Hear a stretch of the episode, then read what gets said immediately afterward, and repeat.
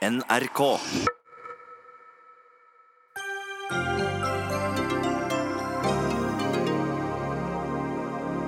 Norske Skog styrer trolig mot konkurs, men Kjell Inge Røkkes Aker vil inn og overta datterselskapet som eier fabrikkene.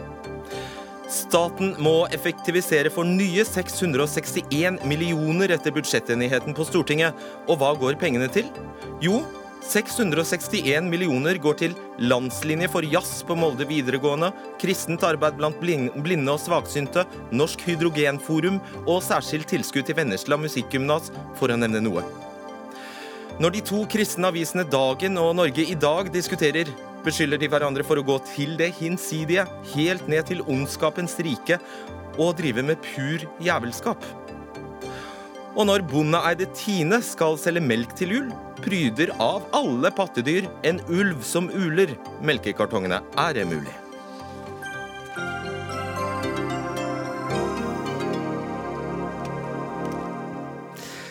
Vi ønsker god kveld og vel møtt til Dagsnytt 18. Jeg heter Fredrik Solvang. Norske skogindustrier styrer trolig mot konkurs. Det ble klart i dag etter at Kjell Inge Røkkes Aker og kreditoren Oceanwood varslet at de vil overta datterselskapet Norske Skog AS med sine sju papirfabrikker. Og det skjer etter mange ukers spekulasjoner og kamp for å redde det konkurstruede selskapet. Trond Lydersen, journalist her i økonomiredaksjonen i NRK. Det har vært en innholdsrik dag for uh, selskapet. Kan du forklare hva som har skjedd? Ja, altså, etter at man har hatt flere måneder hvor man drev og forhandlet med de som har kreditoren i selskapet for å komme fram til en løsning, så kommer man plutselig så kommer Aker og Kjell Inger Røkke inn fra siden, teamet opp med dette engelske uh, oppkjøpsfondet, Oceanwood 50-50 skal de gå, og funnet en plan hvor de i praksis starter en budrunde, eller budkrig nesten, på de fabrikkene som er i Norske Skog. De ligger da i noe som heter Norske Skog AS, og det vil jo da si at det morselskap som ligger på toppen, det vil gå konk. Hva er det der, da? Er det bare gjeld? Eh, der er det stort sett bare gjeld, og de har uh, kanskje et tredvetalls ansatte som sitter i administrasjonen. Mm. Uh, og hvor mye gjeld eh, snakker vi, snakker vi, om, og hvem er det som taper de pengene? Altså, Totalt sett så er det snakk om en rundt 9 milliarder kroner i gjeld. Og så ligger jo noe på disse fabrikkene òg, som blir videre. Så si at i hvert fall en eh, drøyt 5 milliarder kroner i gjeld, det går opp i det vi kan kalle eh, røyk. De får man aldri tilbake. Hvem som eier de? Altså, det er jo noen som har lånt Norske Skog pengene i utgangspunktet, men gjeld det handles jo mellom forskjellige parter. Så Det er ikke sånn at nødvendigvis noen har lånt pengene, og så får de ikke pengene igjen, og det er veldig synd på dem. Og Så er det jo aksjonærene da, som har investert, men også noen av de, som Kristen Sveas, styrelederen i Norske Skog eh, nå, har jo kjøpt seg inn når de nesten ikke kostet noe som helst. Og de pengene er jo for så vidt tapt. da. Og han bedyrer i dag at han ble tatt på senga, at han ikke ante noe om det som eh, var i ferd med å skje. Ja, Vi har ikke noe grunn til å tro eh, at han eh, ikke snakker sant om det. Så kan man jo si at eh, Sveas han har gått inn, betalt ganske lite for de aksjene han har, men han er jo en stor skogeier, så for han så er det jo kanskje det viktigste jo at det kommer på plass en løsning som gjør at disse fabrikkene lever videre. Mm. Da har Norske Skog i Norge om lag 370 ansatte i Skogn og drøyt 500 i Halden. Hva skjer med dem? Ingenting, egentlig, i utgangspunktet. Altså, så langt så betaler de til leverandørene sine. altså de, Fabrikkene her går i utgangspunktet med det vi kan si overskudd, hvis du trekker bort det faktum at de er jo belastet med veldig mye gjeld som de ikke klarer å betjene. Men isolert sett så går disse med overskudd, så når de finner en løsning, så sånn som det er i dag, så er dette fabrikker som har livets rett, sånn som markedet er i dag så vet alle at uh, skogsindustri er ganske langt fra det Aker uh, vanligvis uh, driver med. Hva er det Kjell Inge Røkke pønsker på? Altså det, det, er jo i hvert fall noe som ligger hva skal vi si, det, det, urnorske nære. da. Han liker jo tydelig å gå inn i det, og han sier jo de, eh, hans, eh, hans, store sjef, da, Øyvind Eriksen, eh, sier at de har tenkt å gå inn industrielt, at dette skal bli et av de industrielle bena i Aker, og at de skal gjenreise Norske Skog, så de går jo høyt på banen. Men nå gjenstår det faktisk å se da, at det er de som får tilslaget. Det jo, kan jo bli en budrunde her. Det kan komme andre? Det kan komme andre. Mm. Citibank sitter og skal eh, håndtere denne auksjonen. Og det er jo noe av det som gjør at man tror ikke nødvendigvis at dette blir avgjort på denne siden av jul, fordi man må gi andre litt tid til å se om kanskje noen vil by mer enn Kjell Inge Røkke og Oceanwood. Mm, budprisen er ikke kjent, selvfølgelig. Den er ikke kjent. Uh, dette var jo norsk, uh, Norske Skog var et norsk industrieventyr. En av verdens største produsenter av papir. Hva var det som skjedde? Ja, det veldig enkelt så kjøpte de jo masse papirfabrikker 90-tallet inn på 2000-tallet, mens du kan si internettet snørte seg rundt dem. Papirlesningen gikk jo ned, og da sitter du med veldig mange fabrikker som plutselig ikke klarer å gå med overskudd nesten, og du har kjøpt dem for veldig masse penger, og du sitter med mye gjeld du skal betjene og ikke får til. Tatt av internett. Rett og slett. Ja. Takk skal du ha, Trond Lydersen. Dagsnytt 18 alle hverdager kl 18.00 på NRK P2 og NRK2.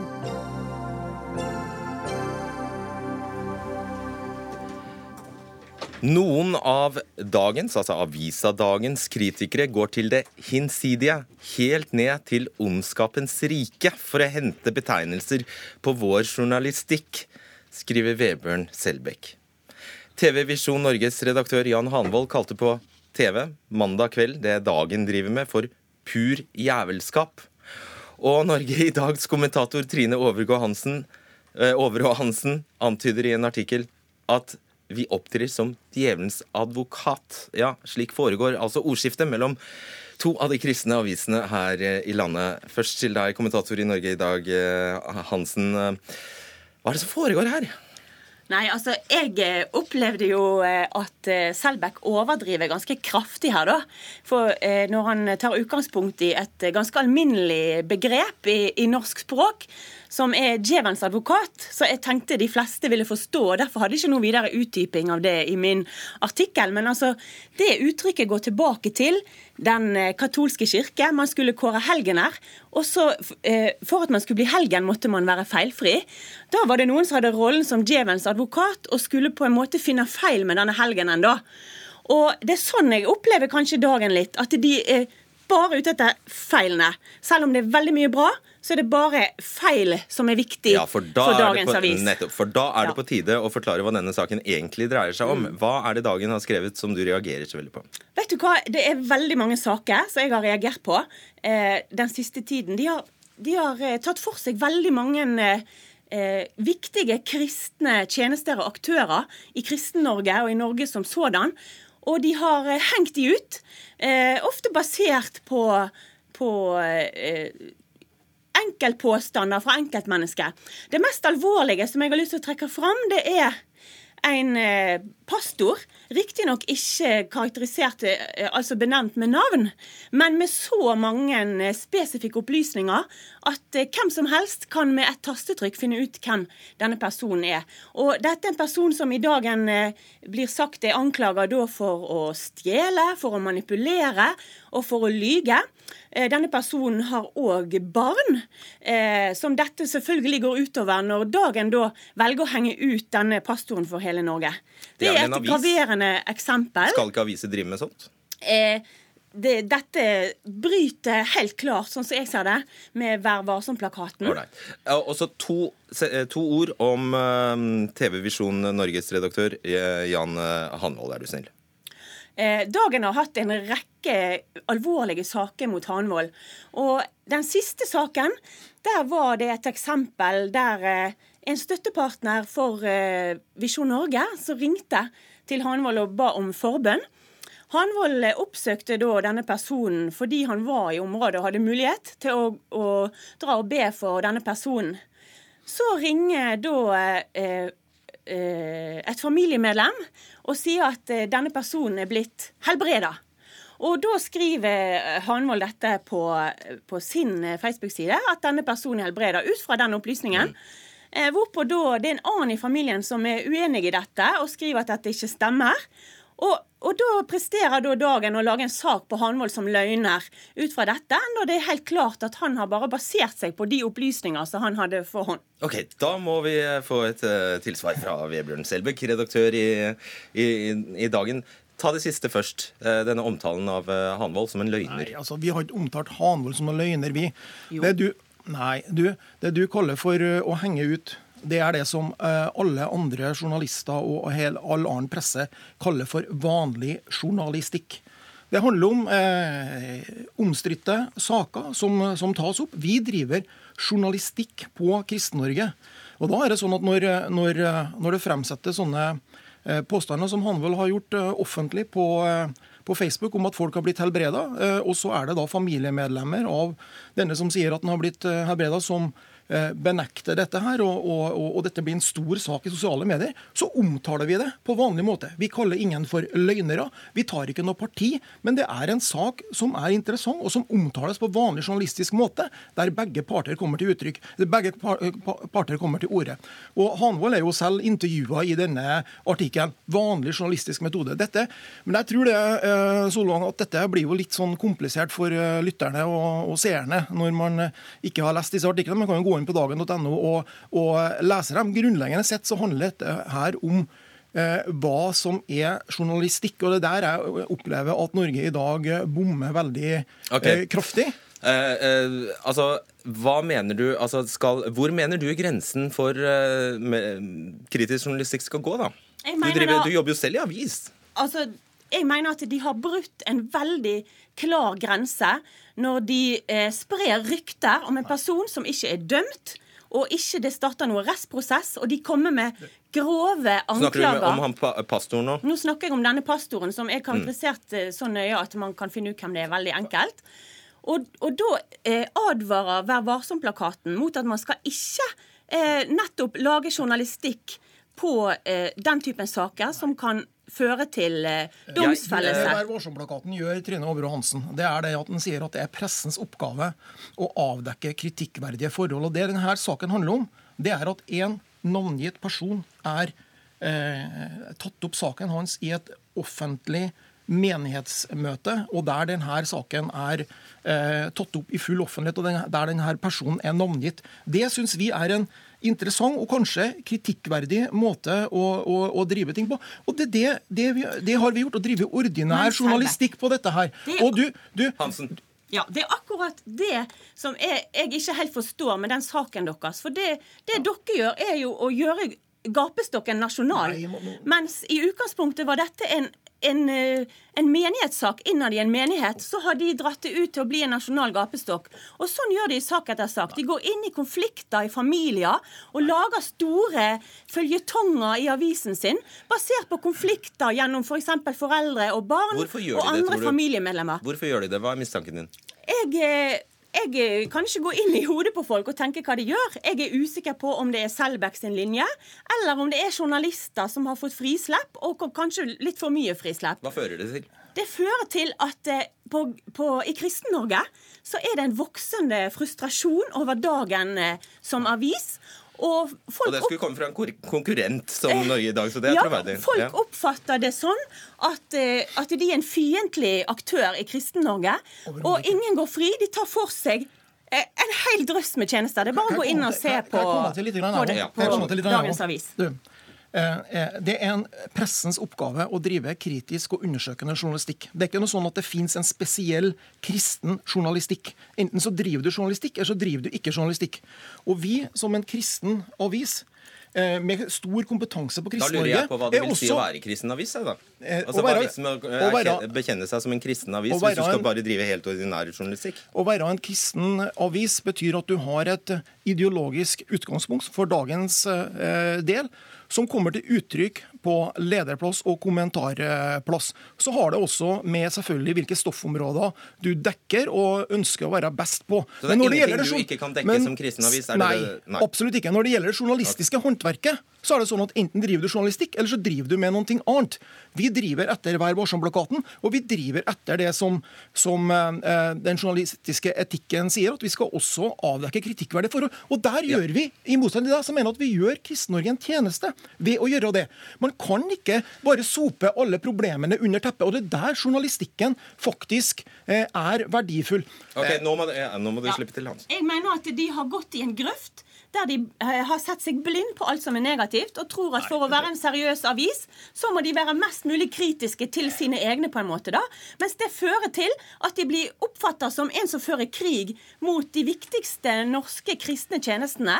Og dette er det veldig mange som har sett seg lei på. da. Jeg hører det overalt. Jeg har kontakt med veldig mye folk. har en stor kontaktflate. Hvem er størst av dere? Norge i dag eller Dagen? Eh, Norge i dag når det gjelder antall abonnenter? Altså, eh, Norge i dag er en ukeavis. Dagen er en dagsavis som har kommet ut siden 1919. Nå på nett så er vi faktisk den største kristne avisa i hele Norge, større enn eh, Vårt Land nå ifølge de siste målingene.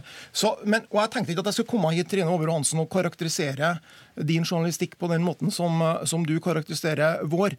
Men jeg opplever at dere Eh, dere driver en glansbildejournalistikk. Dere skriver, tar aldri tak i problemsakene. Og da mener jeg da Hva, driver, driver Hva slags journalistikk driver de med, da? Nei, altså, jeg synes at de, de, i stor grad driver med, å, å, eh, med bare, eh, med bare glansbilder. Bare det så, som er positivt. Så vi trenger og, og, dem ikke, egentlig? Man, eh, trenger man ikke Norge i dag? Jeg syns at Norge i dag gjør en god jobb på mange områder. Og også det meste av stoffet som er i dagen, er positivt. Og det er de gode historiene som dominerer. Men hvis vi ikke også tør å ta tak i problemområdene, da driver vi ikke journalistikk. Og da er vi ikke troverdige. Da undergraver vi vår egen troverdighet. Og der tror jeg også Norge i dag har et, et troverdighetsproblem. Hvem driver dere kritisk journalistikk mot? Altså, Vi er en kristen avis basert på eh, kristne verdier. Derfor så ønsker ikke vi å ha en eh, ateistisk tilnærming til eh, kristne tjenester, f.eks. Nei, men det er greit. Jeg spurte hvem, eh, konkret, hvem driver dere kritisk journalistikk mot? Det ligger jo på en måte i en avis ja, altså Det som mange oppdrag, takker oss for, da, det er bl.a. at vi har turt å ta opp dette med barnevernet. Vi var blant de første avisene som tørde å og virkelig gå inn i de sakene, ta det på alvor.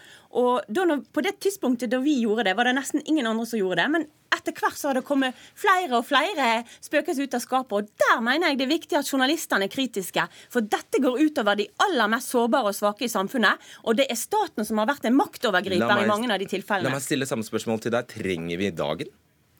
Eh, vet du hva, Jeg er egentlig glad i dagen som avis, og jeg håper på bedring. Ja, altså, eh, Jeg syns det er veldig merkelig å, å høre på, på, dette her. Eh, det er klart at en avis skal drive kritisk, undersøkende eh, journalistikk. Du skal ha en armlengdes avstand til dem du skriver om. Og jeg, jeg mener hvis vi ser på vår nære historie nå, se på, I fjor kom det ut en film som heter Spotlight. Mange har sikkert sett den. Handla om Boston Globe og handla om avdekkingen av alt det forferdelige som skjedde i den katolske kirke. Der satte man nettopp fokus på dette at avisene visste, mediene visste det som skjedde, men satt stille. Og Hvis du, hvis du gjør det, hvis du ikke tar den samfunnsrollen, så, så, så, blir ting veldig mye mer problematisk. Og Vi ønsker å ta den samfunnsrollen også eh, i de kristne miljøene, men ikke bare der. Selvfølgelig driver vi kritisk undersøkelse. Du er litt avhengig av at du ikke støter dem fra deg, som også. Eh, Hansen påpeker. Nei, men det gjør vi ikke. Du, vet du hva? Vi, eh- vi, vi, vi vokser. Eh, vokser mye nå, har ingen problemer med dette. Jeg opplever tvert imot at folk, folk, ser veldig positivt på dette. Her det er Her er noen som tør også ta tak i problemområdene, i stedet bare for å tegne glansbilder. Yes, Trine Overø Hansen til, eh, til slutt. altså Faktisk står det øverst på nettsiden deres Norge i dag taler der andre tier. Mm. Da er det veldig paradoksalt å komme hit og framføre et budskap om at man ikke skal drive kritisk journalistikk. Man skal tale der andre tider. Når vi opplever et sånn ensidig hylekor f.eks. mot Israel, så er vi en av de få røstene i landet som står tydelig opp og støtter Israel. Og det gjelder òg f.eks. Ja til livet-kampen. Der er vi helt i bresjen fordi vi mener det. At å ta livet av et ufødt liv det er, er, det er feil, selv om det er politisk korrekt. Og snakka om Israel og forsvart Israel. Det, det vet yes. Trine Over og Hansen. Og, der, og det håper jeg skal få lov til å gjøre senere også. Det får du helt uh, sikkert, tusen, tusen Selbekk. Jeg, jeg, kanskje har dere hatt felles utbytte av den runden. Hvem vet? Takk skal dere ha, Vebjørn Selbekk og Trine Over og Hansen.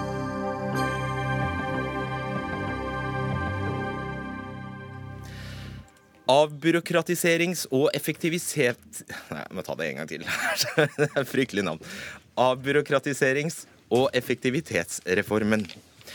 Hvis du jobber i offentlig sektor, ja da vet du godt hva jeg snakker om. Siden regjeringen Solberg tiltrådte, har alle statlige virksomheter blitt pålagt kutt på 0,5% hvert år.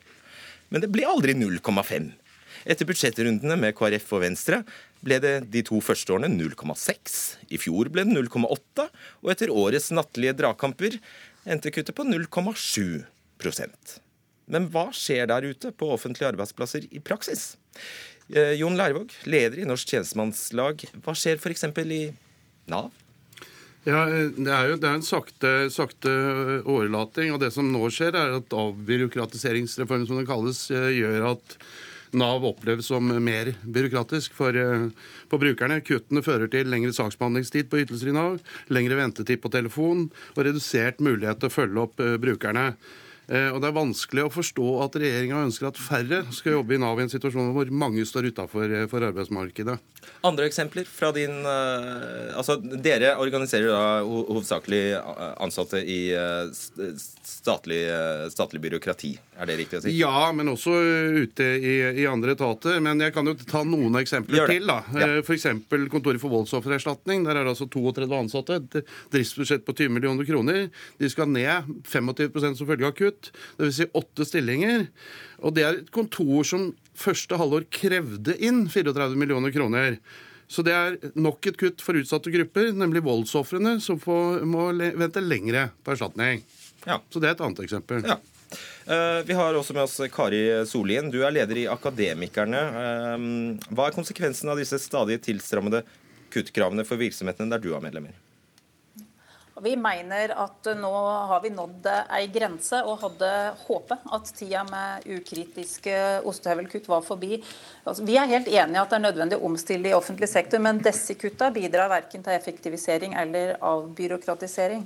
Eh, det vi derimot trenger, er en radikal endring der ledere, ansatte og fagmiljøer som kjenner arbeidsplassen sin, faktisk får et handlingsrom til å finne de gode løsningene. Mm. Eh, og det vil sikre gode tjenester til befolkningen. og Det er vel det vi ønsker oss. Gi oss noen eksempler, du òg. Ja, jeg kan trekke fram eh, noen eksempler. F.eks. domstolene. Der vet vi at ventetida i sivile saker har økt kraftig de siste åra. Flere plasser er den opptil ett og et halvt år. Eh, de ansatte må håndtere mange flere saker uten å få tilført noen flere ressurser, heller tvert imot. Den lange ventetida det er lett å forstå at den er i ferd med å bli et rettssikkerhetsproblem. Konsekvensen er jo at folk må vente eh, i opptil mange år på avklaring på saker som kan ha ganske stor personlig betydning. Eh, og vi vet at tiltalte får reduserte straffer pga. ventetida. Eh, et annet eksempel er sykehusene, eh, som over mange år har vært i ramme hardt av disse her eh, kutta. De er i en vanskelig situasjon med veldig stramme budsjetter, og det er et stort behov for å investere i utstyr og vedlikehold. Og det er sånn nå at Videre effektivisering rammer kvaliteten og det rammer pasientsikkerheten.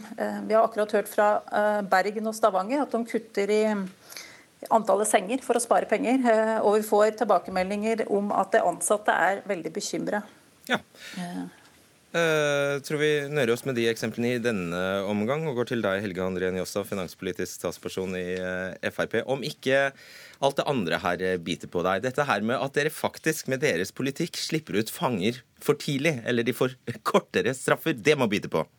Nei, Vi slipper ikke ut uh, fanger for tidlig. Det er den forrige regjeringen som gjorde det. Vi setter de inn i Nederland, uh, fangene, sånn at vi har uh, mm. nok fengsel til, til, fanger. Men eksemplene som er brukt, syns jeg ikke er så gode. For når vi økte den ABE-reformen, som vi kaller den for, Eh, så slipper vi å ta det lange, vanskelige ordet. Eh, så eh, var det to, to områder med skjermer som ikke fikk ta del i de kuttene. Det var nemlig sykehus og domstolene i den runden vi tok mellom KrF og Venstre. Sånn at de to områdene har vi jo sett har behov for å skjermes fra ytterligere effektiviseringskrav. Så hva er det Sollien snakker om da? Hvis du har skjermet de sektorene? Ja, Man skjermer de, skjermer de fra, fra økningene fra 05 til 07, eh, sånn at eh, det er mulig at de har, har opplevd kravene tidligere eh, som, som, problematiske. Men jeg ser ikke det store problemet at òg statlige ansatte skal effektivisere seg og tenke på hvordan man kan bruke skattebetalerne sine penger smartest mulig. Det er jo det alle i privat sektor gjør. Eh, jeg kommer fra Vestlandet og kjenner til hvordan situasjonen er i næringslivet der etter eh, oljeprisfallet. Og det er klart at Når de hører at staten skal effektivisere seg 0,7% så tror jeg de tenker gud hvor heldige de er, de i staten. Og Det skulle bare mangle at ikke staten òg har et kontinuerlig fokus på forbedring og effektivisering på seg. Men bare et lite, lite poeng. Det var jo greit å si det de to første årene, kanskje. Nå er det på fjerde året. Og Da er det kanskje ikke sikkert at det er like mye å effektivisere igjen. Å jo da, det er masse effektivisering. Men vet du det? Hvordan kan du vite det? Du bare sier det. Altså, Det er jo som en fordom. Nei, det, det, er en kjensgjerning at en så stor organisasjon som staten eh, alltid har potensial til å effektivisere og drive smartere og få mer ut av kronene. Og, og sånn er det bare? Det har du bestemt? Nei, men det, jeg tror det er ingen som mener at staten er optimalisert organisert, og at vi, eh, at vi er nødt til å ha så mange byråkrater som vi har nå. I alle fall vi i Fremskrittspartiet mener det er et stort potensial i å eh, slanke offentlig sektor, gjøre den smartere og få enda bedre tjenester til innbyggerne. Eh, Jon Lærvåg, i 2015 hadde departementene 102 flere årsverk enn i 2013, ifølge Aftenposten. Det henger jo ikke på greip med de beretningene dere kommer med?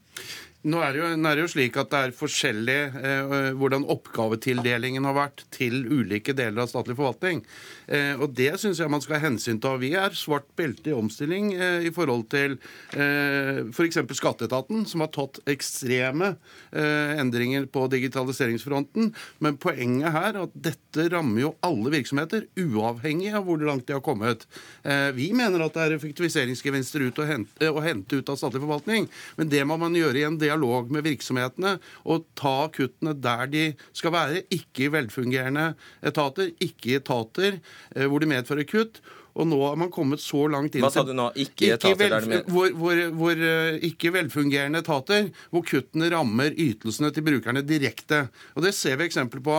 Eh, nå snakkes det om at man skal kutte i byråkrater, men fengsler er det altså ikke byråkrater som går rundt og, og, og vokter så fangene. Så fengsler det er en sektor du mener skal skjermes helt fra effektiviseringskrav? Nei, men altså det er slik at Der har du ikke så mye å hente ut, eh, annet enn å kutte ned på bemanninga. Og det fører til Eh, færre eh, luftinger for, for, de innsatte. Det fører til et dårligere tilbud for dem, og det fører til skarpere situasjoner for vokterne, som da skal møte eh, sine innsatte i situasjoner hvor de kan stå alene. Som i neste instans f.eks. kan bety at de er dårligere rustet når de skal ut i det sivile liv. Det kan jo umulig være ønsket? Nei, men dette er jo den klassiske som vi ofte møter fra fagforeninger. At eh, hvis ikke man får penger, så klarer man ikke å løse oppgaven. Eh, men det er jo denne kreativiteten vi vil ha at statlige ledere klarer å få mer ut av kronene. Eh, vi forvalter enorme beløp på vegne av skattebetalerne. Det skulle jo bare mangle at ikke vi drives mest mulig effektivt. Sånn som alle i privat sektor hele tida er utsatt for konkurranse og er nødt til å strekke seg litt lenger for å vinne, vinne konkurransen. Sånn må det være i det offentlige. Så det, det går ikke an å si sånn at får vi ikke de kronene vi alltid har hatt, så blir tjenestene dårligere da har man feil fokus. Eh, så jeg vil ha en ny måte å tenke på i det offentlige. Ok, kort eh, Lærvåg. Det er altså ikke det vi sier at vi skal ha de pengene vi alltid har hatt. Vi sier at denne reformen kutter flatt i alle virksomheter, uansett hvor langt de har kommet i omstillingen, og uansett hvor arbeidskraftintensive de er, slik at de ikke har mulighet til å hente ut digitaliseringseffekter, som f.eks. Skatteetaten allerede har gjort. Og Skatteetaten får det samme kuttet som virksomheter som har kommet kort i å, i, i å hente ut digitaliseringsgevinster. Hvis, hvis kuttene ikke skulle rammet helt, eh, helt eh, blindt, Kari Solin, tror du at eh, du ville være helt enig med Jon Leirvåg om hvilke virksomheter som skulle vært underlagt kuttkrav? Det kan nok hende at vi har ulike syn på det, for vi har medlemmer i, i ulike sektorer. Nettopp. Eh, men det vi er helt enige om, eh, det er at eh, det ukritiske ostehøvelkuttet er det som er problemet her. Jeg tror at vi alle ser at det er både potensial og behov for å omstille offentlig sektor. Men det vi trenger, er insentiver for innovasjon og effektivisering. Og da må det gjøres i, i samarbeid med virksomheten. Sånn Hva betyr det? Altså, det er bare en floskel. Hva betyr det? Det betyr eh, f.eks. sånn som eh, Produktivitetskommisjonen skrev i sin utredning, at uh, og i offentlig sektor så bør det være sånn at den virksomheten som som effektiviserer, får beholde noe av effektiviseringsgevinsten. Ja, som vi har det nå, mm. så er det eh, tvert imot sånn at hvis du er veldig flink til å effektivisere, eh, så vil du bli fratatt midler. Dette så det er, er konkret, eh, et konkret eksempel. Og et godt poeng, ikke minst, Njåstad. For det er jo noe av hovedkritikken mot reformen, at de som er flinke, de, bare, de, de har null insentiv til å være flinke, fordi de blir straffet like mye som de som er lite flinke. Nei, og det, det, er jo ikke sånn at Jo, det, sånn er det. I, i forhold til ABE-reformen så er det lite, en liten eh, effektiviseringsreform hvert år. Det er 0,7 eh, Det er ganske lite, faktisk. Eh, eh, eh, fungerer sånn at han gjelder overalt, bortsett fra det har skjermer. Men det er jo mange andre virkemidler. Jan Tore Sanner har jo masse prosjekt på å fjerne tidstyver, gjøre ting enklere. Masse digitaliseringsprosjekt. Så det Du er ikke sånn. forholder deg ikke helt til problemstillingen, merker jeg. Jo, men jeg, Altså, hun sier konkret det hadde vært mye smartere å la dem beholde de som er flinke, la dem beholde litt av pengene i stedet for å straffe alle like hardt. Jo, men det er ikke straff. Når man ser statsbudsjettet, så er det jo ikke mye straff i statsbudsjettet. Det er jo nesten over 1300 milliarder som blir brukt på gode tjenester til innbyggerne. Så, eh, jeg tror Hvis andre land hadde hørt den diskusjonen vi har, at vi skal effektivisere staten 0,7 eh, så tror jeg de hadde ledd litt. Du får kort, eh, ja, kort live. Eh, Bare, bare for å si noe om størrelsesorden, da, så er det altså slik hvis de fortsetter på samme måten i eh, Nav, så vil vi fra 2014 til 2021 eh, ha kuttet med 550 millioner kroner i Nav, som tilsvarer bortimot eh, 800 årsverk, kanskje noe høyere, avhengig av årsverkskostnaden. Og det er en litt annen størrelse enn de der 0,7 prosentene Njåstad snakker om. Nettopp. Ok, Vi går videre. I år greide de fire budsjettkameratene å skvise ut 661 millioner ekstra av de offentlige virksomhetene ved å øke dette kuttkravet fra 0,5 til 0,7 Men gikk disse pengene til hovedprioriteringene helse, samferdsel og kunnskap? Vel, vi har lagt sammen alle de bitte små bevilgningene på under 10 millioner kroner i budsjettavtalen, og gjett hva de summerer seg til? 661 millioner kroner. Og disse pengene går til kulturarbeid for døve, livsglede for City Changers, Norsk Hydrogenforum, Kristen idrettskontakt, hestesenter, fotballag for rusavhengige, TV 2-skolen, tilskudd til private kirkebygg, fri scenekunst og norsk dataspill, og landslinje for jazz ved Molde videregående skole, for å nevne noen. Og denne landslinja for jazz har dere kjempet lenge for, Oddgeir Overå, rektor ved Molde videregående. Hvor glad er du for disse 400 000 kronene? Eh, Vi er veldig glade, eh, men vi er jo også meget sindige her på Nordvestlandet. Da. Så i dag har vi kosta på oss et smil, og så har vi gratulert hverandre. Hvordan har denne prosessen vært? Eh, Det er vel en tiårig eh, sak, dette her. Det starta ved at politikere i vårt fylkesting, Møre og Romsdal, eh, ymta frempå om at vi burde begynne å arbeide for ei landslinje for jazz ved Molde videregående skole. Eh, og så har eh, ballen blitt tatt opp eh, for ca. ett år siden, da vi gikk all in. Jobba for det, sendte en god søknad. I første omgang, i oktober, fikk vi nei da forslaget til, til statsbudsjett ble ja. Da, da forslaget til statsbudsjett ble lagt fram. Men så har våre politikere heldigvis prioritert litt annerledes. Og politikk, det er jo å prioritere. Hva, la oss henge bjella på katten. Du sier politikerne våre. Hvem er det? Politikerne våre er jo i prinsippet alle, menn. vi har jo, som du sikkert vet, eh, politikere fra Møre og Romsdal, det vi kaller for Mørebenken. Ja, sånn er systemet. Eh, ja, og vi har jo da gitt dem veldig god informasjon om vår søknad. De har da tent på dette her og Mhm. brakt det videre inn i budsjettforhandlingene. Og de heter Steinar Reiten, han kommer fra Kristelig Folkeparti, nyinnvalgt, og Jan Steinar Johansen, vara for en viss eh, Sylvi Listhaug for Fremskrittspartiet. Stemmer det? Det stemmer sikkert, ja. Og du gir dem eh, rett og slett Det er de du er takknemlig for overfor i dag. Ja, det er klart det, men hadde ikke vi hatt den gode søknaden som vi hadde, så er det jo klart at eh, det hadde ikke blitt bevilga penger til dette her da. Mm. Syns du det er riktig framgangsmåte dette her? Er det sånn det skal foregå? Eh, Det er jo slik Når jeg hører da på, på eh, de andre som har snakka før her, så tenker jeg litt på rockelåten 'Blue Sweat Shoes' av Carl Perkins. Han synger da følgende 'It's one for the money'. Altså den må ligge i bunn.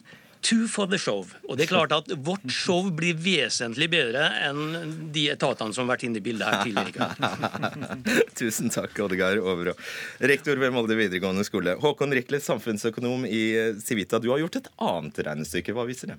Ja, jeg har eh, slått sammen alle bevilgningene som, eh, fra budsjettavtalen som går til spesifikke organisasjoner eller til veldig smalt definerte formål. Eh, og Da blir det også noen som er litt over 10 millioner, og jeg har kommet til et tall på rundt 530 kroner. 526,8 millioner kroner, for å være presis, som går til den type veldig smale tiltak. Over en halv milliard kroner, altså. Ja, eh, og, og så har jeg også sett i de alternative statsbudsjettene hvem som har foreslått dette. Mm. Eh, og der ser man at eh, Litt under 300 millioner av de er foreslått av KrF, siden, av kun av KrF.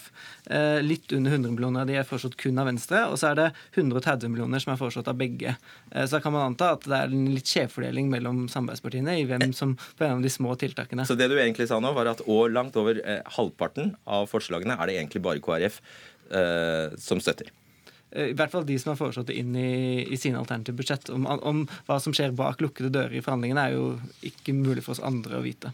Hans Fredrik Grøvan, stortingsrepresentant eh, fra, eh, for Kristelig Folkeparti. Først om denne jazzlinja, er du fornøyd med å ha fått på plass den? Syns det er et kjempeflott tiltak. Molde er kjent for å ha et godt utvikla jazzmiljø. At de kan bruke utdanningen til å være med og markere det og løfte kompetanse på dette området, syns jeg er veldig bra. Hva hvordan forklarer du at over halvparten av denne halve milliarden altså eh, er krav KrF er ganske alene om å framsette? Jeg må si jeg er stolt over det som jeg hører nå. Vi skal være ombudspersoner for befolkningen. Eh, politikk eh, utvikles gjennom budsjettprosessen. Det å kunne ta blikk for ikke bare de store enhetene, men også de mindre som betyr noe i det sivile samfunnet, enten det er Blindeforbundet eller eh, hvilken organisasjon det er, så er det viktig at vi er med og løfter de, for de betyr noe for å kunne gi en meningsfylt hverdag for enkeltmennesker. Og I budsjettprosessen så utvikler utvikler vi politikk. Vi tar med oss de innspillene vi får, vurderer de i en sammenheng. Eh, og så gjør vi noen vurderinger og konklusjoner ut fra det. Rikles, er det noe å være stolt over? Altså, jeg er sikker på at alle som ser gjennom den listen, vil finne tiltak som de er helt enig i og syns er gode tiltak. Det er bare gode tiltak, det skal sies. F.eks. Ja. tiltak for rettshjelp, tiltak for funksjonshemmede, hjelp til offer for menneskehandel. Det er mange gode tiltak her. Eh, men det er likevel to problemer, problemer slik jeg ser det.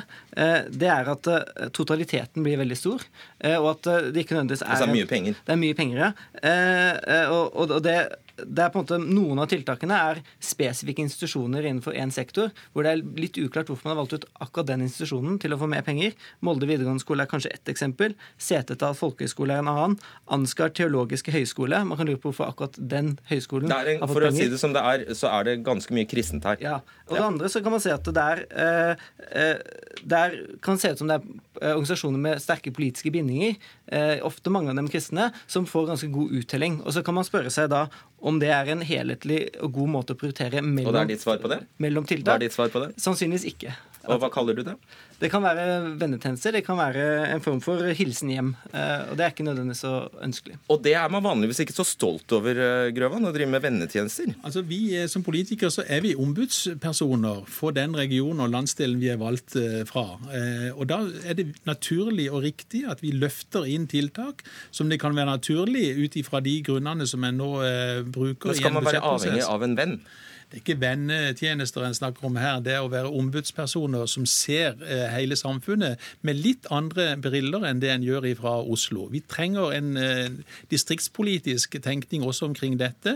Eh, I tillegg så vil jeg jo si at 600 millioner av et statsbudsjett på nesten 1400 milliarder, det er altså en under en halv prosent vi snakker om her. Ja, det er, Men det er 600 millioner av de 6 milliardene dere flytter på, da. Det er kanskje jo, jo, en rettere men, men hvis du ser helheten i dette her, så syns jeg det dette står, eh, står, seg fullt ut i forhold til betydningen de har, og at de skal være glad for at vi har politikere som kan løfte også de små i samfunnet. Eh, jeg tolker deg dit hen at du mener dette systemet åpner for vilkårlighet og urettferdighet, Rikles. Hva, hva er alternativet? Man kunne, hvis man ønsket å f.eks. Eh, støtte et visst formål, f.eks. For tiltak om menneskehandel, så kunne man hatt en tilskuddsordning til det, som ikke var spesifisert nærmere på hvilken organisasjon skulle hatt det. og Så kunne man da søkt, og da ville det vært en, en, søknadsprosess. Det ville selvfølgelig vært mer byråkratisk, og, men det ville heller ikke, da ville det ikke vært sånn at politikerne på Stortinget valgte ut hvem som var best til å, til å løse forskjellige ordninger. For eksempel, er det eh, kristent interkulturelt arbeid som er best for integreringsarbeid? Er det Stiftelsen Kirkens familievern familievern som er best for å jobbe med familievern? Er det kristent arbeid blant blinde som gjør det beste arbeidet blant blinde? Eller er dette fordi de har eh, forbindelser til noen partier? Og Det hadde vært bedre og ryddigere eh, i mange tilfeller, mener jeg, å ha mer generelle ordninger. Gjerne spisset på ganske små eh, formål, eh, og heller da hatt en At man skulle da bevist at man er de som er best til å yte det formålet. Et eksempel på et sånt smalt formål, formål, formål kunne jo f.eks. ha vært noe å sikre rekruttering og kompetanse til sjømatnæringen. Da kunne man utlyst midler. I stedet så gikk altså 2,5 millioner kroner rett til, til organisasjonen Sett sjøbein. Da, er, altså, kan du vite at andre ikke kunne ha gjort den jobben bedre? Nei, men nå må vi huske på at det, det, er riktig som Hans Fredrik sier, at man er ombudsmenn. Så, så, så jeg merker jo når jeg har sittet i forhandlinger at det kommer folk fra alle partier eh, blant oss fire lokale som har gode prosjekt i sitt nærområde. Og de ønsker jo å være ombudsmenn for dem. I, I, tillegg så stiller veldig mange av disse organisasjonene på høringene i Stortinget. Eh, og Det skulle jo bare mangle at ikke man kan eh, legge frem en sak i en høring for en komité, og at det da kan bli løfta opp i prioritering. Og få litt penger igjen. Ja, Hvis man har politikere som ønsker å løfte det, så da ser jeg ikke på så det helt, helt store problemet at, at Norges demokrati fungerer på den måten at eh, vanlige folk kan drive lobbyvirksomhet eh, og nå fram i statsbudsjettet. Aller siste spørsmål til deg, Hans Fredrik eh, Grøvan. Du ser jo selv at det blir en umulighet om alle de 169 stortingsrepresentantene skal oppføre seg som ombudsmenn og gi hver sin pott til hver sin organisasjon. Eh, det som skjer, det er jo det at når en legger fram spesielle ting som en ønsker eh, støttet for, eh, så er det jo en vurdering og en prosess som skjer, en siling.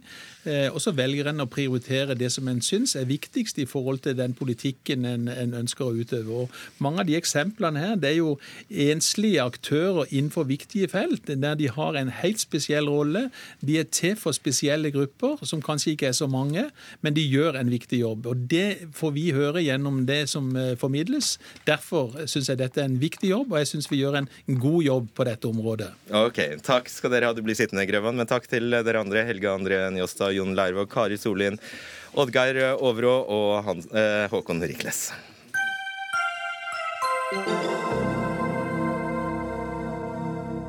Vi skal fremdeles snakke om budsjettforliket som ble inngått i går. For blir det flere lærere per elev med den såkalte lærernormen? Eller blir det bare økt tetthet av voksne, ufaglærte personer i klasserommene til skolebarna? Og skal ikke kommunene selv få prioritere hvilke skoler som trenger flere elever, eh, lærere, og hvilke som klarer seg godt med noen færre? Og er det rettferdig at Oslo får rundt 25% av de nye lærerkreftene, mens Finnmark får fem årsverk? Ja, Spørsmålene er rett og slett eh, veldig mange etter at Kristelig Folkeparti fikk gjennomslag for en ordning som altså innebærer at det settes som et mål at det skal være maksimalt 16 elever per lærer i 1. til 4. trinn, og maksimalt 21 elever per lærer i 5. til 10. trinn fra høsten neste år. Gunn Marit Helgesen, du er styreleder i eh, KS, eh, som nå ikke står for noe, men som er kommunenes interesse- og arbeidsgiverorganisasjon. Hva, hva, vil denne normen føre til? Først har jeg jo lyst til å si at vi er veldig overraska eh, over at stortingsflertallet eh, ønsker å vedta en reform som vi med stor sikkerhet vet ikke kan gjennomføres. Oh. Ja, fordi eh, vi også ønsker flere kvalifiserte lærere i skolen. Eh, men denne normen kan jo bare fastsette antall lærerstillinger. En kan jo ikke trylle frem ferdig utdanna lærere. Eh, og når vi da vet at lærere er ikke sånn hyllevare vi kan gå i butikken og kjøpe, vi skal faktisk utdanne de, og per i dag så har vi 3895 ufaglærte lærere. Eh, som da skal øke kompetansen sin. Vi har 6000 delvis i permisjon som holder på å øke kompetansen fordi kompetansekravene er økt. Utdanningstiden er økt fra fire til fem år. Eh, og I tillegg skal vi altså ansette 3000 nye lærere. Og Da spør jeg hvor er disse lærerne? Mm. Grøvan, hvor er disse lærerne? Ja, eh, Før jeg svarer på det, så har jeg bare lyst til å si det at eh, læreren er skolens viktigste ressurs. Eh, og da har vært vårt utgangspunkt at alle elever skal ha den samme rett til tilgang til lærer. Det handler om at elever blir sett, de blir hørt. Det handler om kunnskap, men det handler også om dannelse. Eh, så ser jeg vi selvfølgelig også det problemet som eh, Gunn-Marit Helgesen eh, skisserer. Derfor har vi også sagt at vi ønsker å legge en strategi for hvordan vi kan rekruttere flere lærere. Og La meg bare nevne et par punkter. Vi har en, en reservestyrke i dag av mer enn 10 000 utdanna lærere for grunnskolen. Mm. Som, har valgt, som har valgt andre jobber. Og grunn, En av grunnene til at de har valgt andre jobber, det er rett og slett fordi at de opplever at arbeidssituasjonen i skolen er for krevende. De har for mange elever å håndtere i gruppa, og de orker ikke. De er samvittighetsfulle og gjør en fantastisk jobb. Og så sier de at nok er nok fordi at dette blir en uoverkommelig oppgave. Vi kan rekruttere noen av de tilbake igjen. Vi kan få gjennom selve lærernormen, så kan vi også bidra til at lærere står lenger i jobben, fordi at de opplever at eh, arbeidet er mer overkommelig ved å ha mindre mindre grupper enn at de avslutter når de er 60 eller 61. Tror du vil få? Det er snakk om 0,02 eh, ekstra lærer i noen tilfeller? Ja, jeg tror eh, vi får flere til å stå lengre. Jeg tror absolutt eh, det, og det er iallfall de signalene som, som, vi får, hvis vi får en mer overkommelig arbeidssituasjon. Okay. Det er jo en veldig rar holdning å ha i utgangspunktet at dette ikke går. Nei, men Vi vet jo at eh, politikere lokalt, som faktisk har ansvaret for eh, skolene i den enkelte kommune, er like opptatt av eh, den beste læringen for våre elever som de som sitter på Stortinget. Så Jeg syns faktisk det er en mistillit til lokale folkevalgte. De bruker mer enn en femtedel budsjettet på skole. Det er den største Men hvorfor ikke stille seg positiv i utgangspunktet? Og Nei, så, som, som Grøvan sier, så, så, så, finner vi ut hvordan vi gjør det. Fordi denne normen binder opp den fleksibiliteten som den enkelte kommune faktisk trenger. Hvis vi tar Oslo som et eksempel, mm. så må de altså eh, De har jo faktisk gjort lokale prioriteringer. De har flest eh, På Oslo øst så har man faktisk oppfylt lærernormen. Men det betyr at hvis vi nå skal da eh, gjøre denne eh, normen fra neste skoleår, nemlig høsten 2018, så må Oslo flytte ressurser fra Oslo øst, hvor de mener behovet er større for å få best mulig læring til de elevene som er der, over til Oslo vest. 600 eh, lærerkrefter bare i Oslo. I Finnmark så nevnte jo programlederen at der er nesten ingen.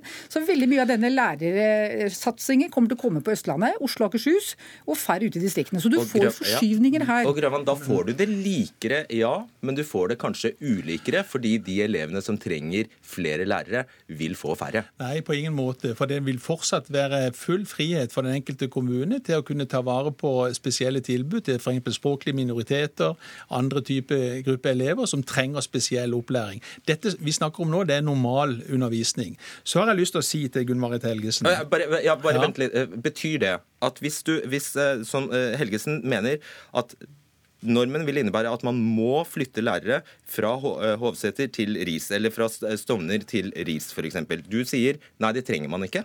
Altså det, jeg kjenner ikke verken Hovseter eller Ris, jeg tør ikke å si noe om det. Men altså, hvis det er spesielle oppgaver en har ansvaret for, som f.eks. språklige minoriteter, eh, så må en jo selvfølgelig gjøre en tildeling som tilpasser det formålet. Ja, Men, men det betyr at på Ris skal det være minimum eh, 16, eh, maksimum, eh, minimum 16, én lærer per 16 elever. Det er det det betyr. Ja, det gjør det. Ja. Og så vil jeg si to ting som er viktige til, til KS. Det, for, for, det første så vil jeg si at dette er jo en reform som er fullfinansiert. I motsetning til reformer som vi har tidligere på barnehage osv. Det er viktig å si. Så det er ingen kommuner eh, som blir fratrukket midler, eller som ikke får midler til å kunne gjennomføre dette. Så har jeg et øyeblikk, et, et moment til. Eh, det vi har også sett sett nå Nå har vi hatt tre år hvor vi har putta på 1,3 milliarder kroner for å få flere lærere til første til fjerde trinn. Resultatet viser at vi har fått 198 flere lærerstillinger. Ja, Det er som om dere har bevilget penger inn i et svart hull. Ikke sant? Og, ja. og resultatet kunne ha vært 1800 flere lærere. Derfor, hvis vi skal ta vare på den enkelte elev, det er jo det som er poenget, vi skal gi den enkelte elev et uh, riktig og et rettferdig tilbud så må vi også styre dette på en litt annen måte enn det det har vært gjort. Mm, Helgesen, hva er det du snakker om at du blir tvunget? Blir ikke tvunget til, eh, til noe, noe, som helst, faktisk? Jo, for det følger penger med? Ja, det vil jeg først se først. fordi at de fleste Vi har akkurat eh, vært vitne til en bemanning som i barnehagene som ikke er fullfinansiert, eh, som mangler mye på. Og Problemet for kommunene er nemlig at Stortinget har masse ambisjoner og masse forventninger til Kommune-Norge. Det er bra, men da må de også betale det det koster, og sette inn de ressursene som er nødvendig. Det de overlater nå, er jo at det er kommunene kommunene som blir svarteper hver gang man vedtar reformer på Stortinget som ikke er fullfinansiert. Du maler jo fanden på veggen. Altså, du, han sier det er fullfinansiert. Denne reformen, kanskje? Ja, jeg, jeg, jeg vil se det først. fordi de, Nå har jeg ikke nevnt penger engang. fordi Poenget nå er at vi har ikke de lærerne. Og det tar noen år å utdanne de lærerne. Da staten som har ansvar for å utdanne lærere i Norge, ikke kommunene. Men det er kommunene som må svare for dersom de ikke klarer å finne kvalifiserte lærere. Og akkurat nå så holder vi på med et kompetanseløft på lærere. Det er 6000 som jeg sa, i delvis permisjon fordi vi øker kompetansen til disse lærerne. Vi trenger i slutte 4300 hvert år, som må erstattes. Okay, la oss legge, de der, eh, la oss legge det, det mangelen, lærermangelen litt uh, til side.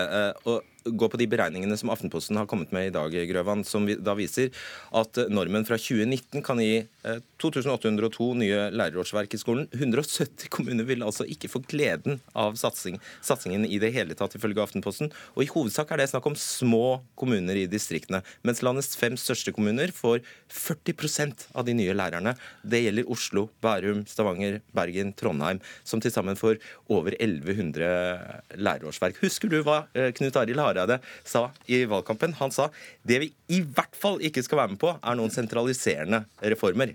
Hva Nei, er dette her? Eh, dette handler ikke om eh, verken distriktspolitikk eller sentralisering. Dette handler om den enkelte elev som skal få den samme mulighet og den samme rett til tilgang til skolens viktigste ressurs, som er læreren. To tredjedeler av elevene i grunnskolen i dag vil få nytte og glede av dette. Og Så er det en ulik fordeling, men hovedfokus her er den Som favoriserer byene. Det er du ikke uenig i? Ja, Nei, jeg er ikke uenig i det. Men hovedfokus her er den enkelte elev. Og den enkelte elev er jo like viktig om den er i Oslo eller om den er i, i en annen kommune. Så her handler det om lik tilgang til ressurser. Og skal vi oppnå det som er, vi er helt sikkert på enige om, en god skole med en høy kvalitet, ja, så må vi satse på læreren. Og derfor er det en viktig satsing, det vi gjør nå, med en lærernorm som gir eleven tilgang, og som gir eh, mindre mulighet for, eller som blir mindre behov for spesialundervisning f.eks. Mindre stigmatisering av elever, som virker som en god sak for den enkelte elev og for den enkelte skole. Du, eh, Helgesen, du, du får det til å høres ut som at Oslo kommune for eksempel, er bundet og bastet på hender og føtter, og at de har, um, hvis de ser at det er behov for flere lærere på, uh, på Stovner f.eks., så, har, så kan ikke Oslo kommune bevilge mer penger til det. er jo bare vås. Oslo kommune Jo, kan bruke av sine frie midler Ja. og øse penger over eh, Stovner-skolen. Hvorfor skal da Stortinget sitte og vedta denne normen? Fordi jeg tror at Oslo kommune vet hvor skoen trykker, og jeg tror de er like opptatt av den enkelte elev som det KrF legger frem her. Men de ser kanskje at den enkelte elev har like ulike behov for å få eh, et godt læringsmiljø. Og det er det, Dette er dårlig samfunnsøkonomi, det er sentraliserende, og man har ikke tillit til lokale valgvalgte. Men da vil jeg gjerne spørre Gunn-Marit Helgesen, er hun fornøyd med at vi har fått 198 lærere på første til fjerde trinn med å bevilge 1,3 milliarder? Du får svare ja eller nei på det, faktisk, for vi har ikke mer tid. Nei, men eh, Poenget er jo at vi klarer ikke å finne de lærerne. Eh, Vi Ja. jobber jo Og nettopp med å tilbake rekruttere lærere. Ja, takk skal dere ha, Gunn Marit Helgesen og Hans Fredrik Grøvan. Hør Dagsnytt 18 når du vil. Radio NRK Radio.nrk.no.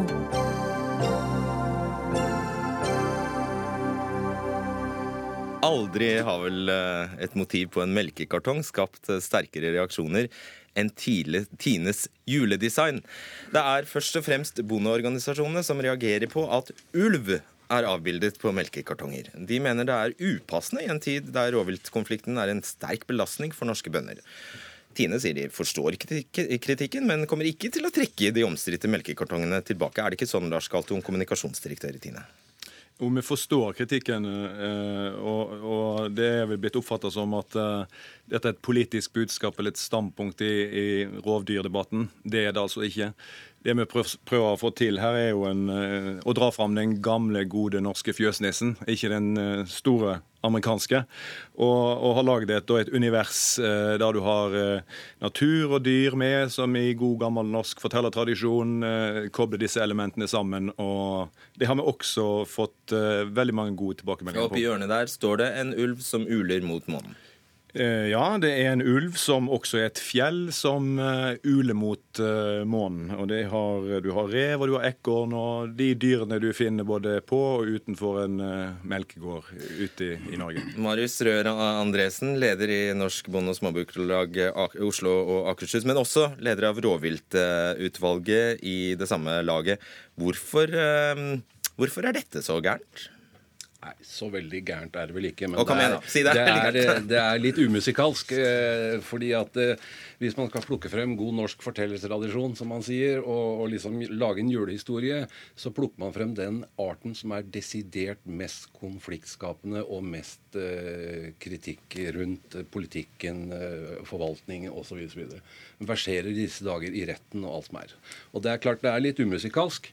Eh, og det er kanskje bare en taktisk blunder fra Tine sin side. jeg vet ikke. De, de sier jo at de er vennen til bonden, men, men det er nok mange bønder som f.eks. i Hurdalen mistet 300 dyr på 70 døgn pga. én ulv. Som kanskje ikke setter pris på å bli minnet på ulven hver gang de skal ha seg et glass med melk. Og bare minn oss om hva Tine er, er du snill? Ja, det er noen som lager melk og yoghurt og landbrukssamvirke og det ene med det andre. Ja, og det er jo landbruksfamilien. og eid av de samme bøndene. Og det, at virksomheter av og til ikke gjør som eierne sier, er jo ikke noe nytt. Hva står det i formålsparagrafen til Tine Lars Kaltung om eh, Tines holdning til rovdyr?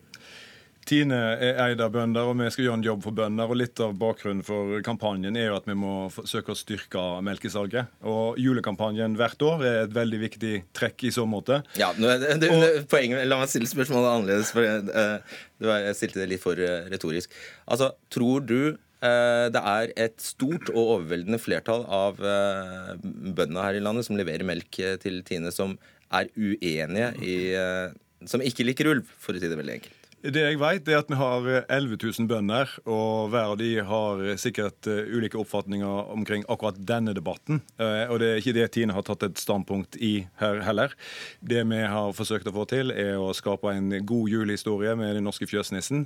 Og det har vi allerede fått eh, mange gode tilbakemeldinger på. Og jeg respekterer og hører, og det er jo noe vi må ta med i evalueringen i forhold til at ulv i, i, på, på melkekartong er noe vi må vurdere til neste år om skal skal stå eller ikke. Så kanskje, kanskje Fjøsnissen får annet selskap til neste år. Ja, kanskje.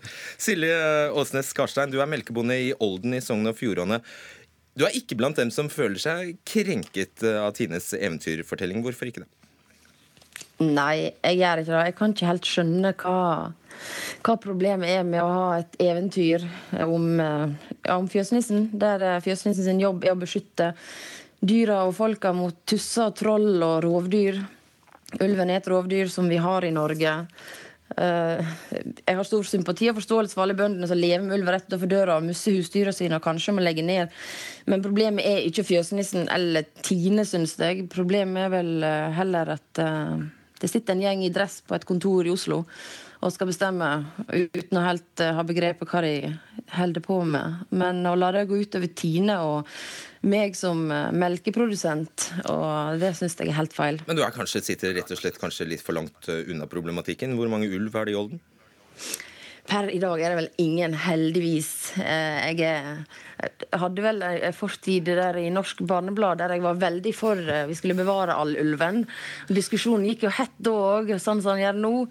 Eh, jeg hadde moderert meg litt da. Jeg mener fortsatt vi skal ha ulv, men i mye mindre mengde enn vi har nå. Og det er helt greit han bor på Østlandet, det er det. Marius Røer Andresen, du bor litt nærmere ulv, du bor på Eidsvoll. Jeg bor i Eidsvoll. Ja. Hvilke erfaringer, personlige erfaringer har du med denne rovdyr? Jeg har i hvert fall ikke den erfaringen at uh, ulv er en del av en koselig julehistorie med julenisser og fjøsnisser. Jeg har erfaring på at ulv dreper og lemlester så mye som 30-40% av beitedyrene i Eidsvoll kommune ved Jent. Og Det er det som er problemet her, at man prøver å gjøre ulven om til et sjarmerende, koselig kosedyr. Og det er altså erfaring på at det er ikke tilfellet. Og det burde Tina ha sett. Og de burde ha skjønt hvor giftig denne konflikten er.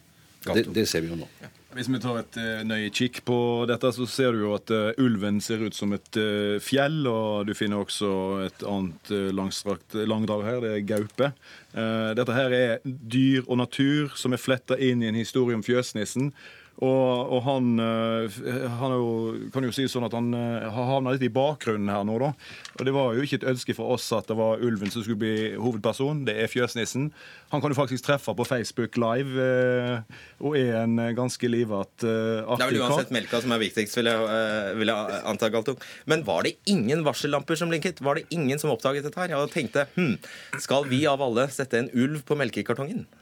Um, som sagt, Vi forstår veldig godt uh, reaksjonene som har kommet, men det er jo en, et, et, uh, element i en historie uh, som, ja, som, som, som, som bringer fram var, var, det ingen som stussa? Var det ingen som stansa? Og vi, og vi vurderte disse illustrasjonene og så jo på dem og tenkte at ja, nei, det tror jeg vi kan gå. Eh, for eh, Til påskekrimmen så har eh, Ulv Ulfstein heter han vel, han har vært hovedperson nå i 10-15 år. Det har ikke vært noen reaksjoner på, på, han. Det må vi kanskje også se på, da.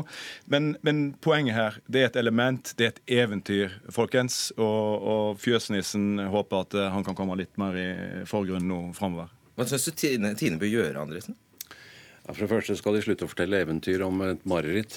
Og for det andre så syns jeg de skal ta seg en god kopp kaffe, og så skal de skape en historie som samler folk inn mot jula, ikke som splitter folk inn mot jula. For dette er en konflikt som er så dyptgripende og så hissig at det er helt unødvendig og det er taktløst og uklokt å, å, å blande dette. Okay. Men denne melka her, den havner på de tusen bord. Det er ikke snakk om å trekke den, ikke sant? Nei, Vi kommer til å kjøre den nå ut uh, sammen med de andre aktivitetene til Fjøsnissen. Og han uh, er klar for å ønske å si god jul til både de som liker og ikke liker rovdyr. Jeg tror vi får si god jul. Ja, litt for tidlig.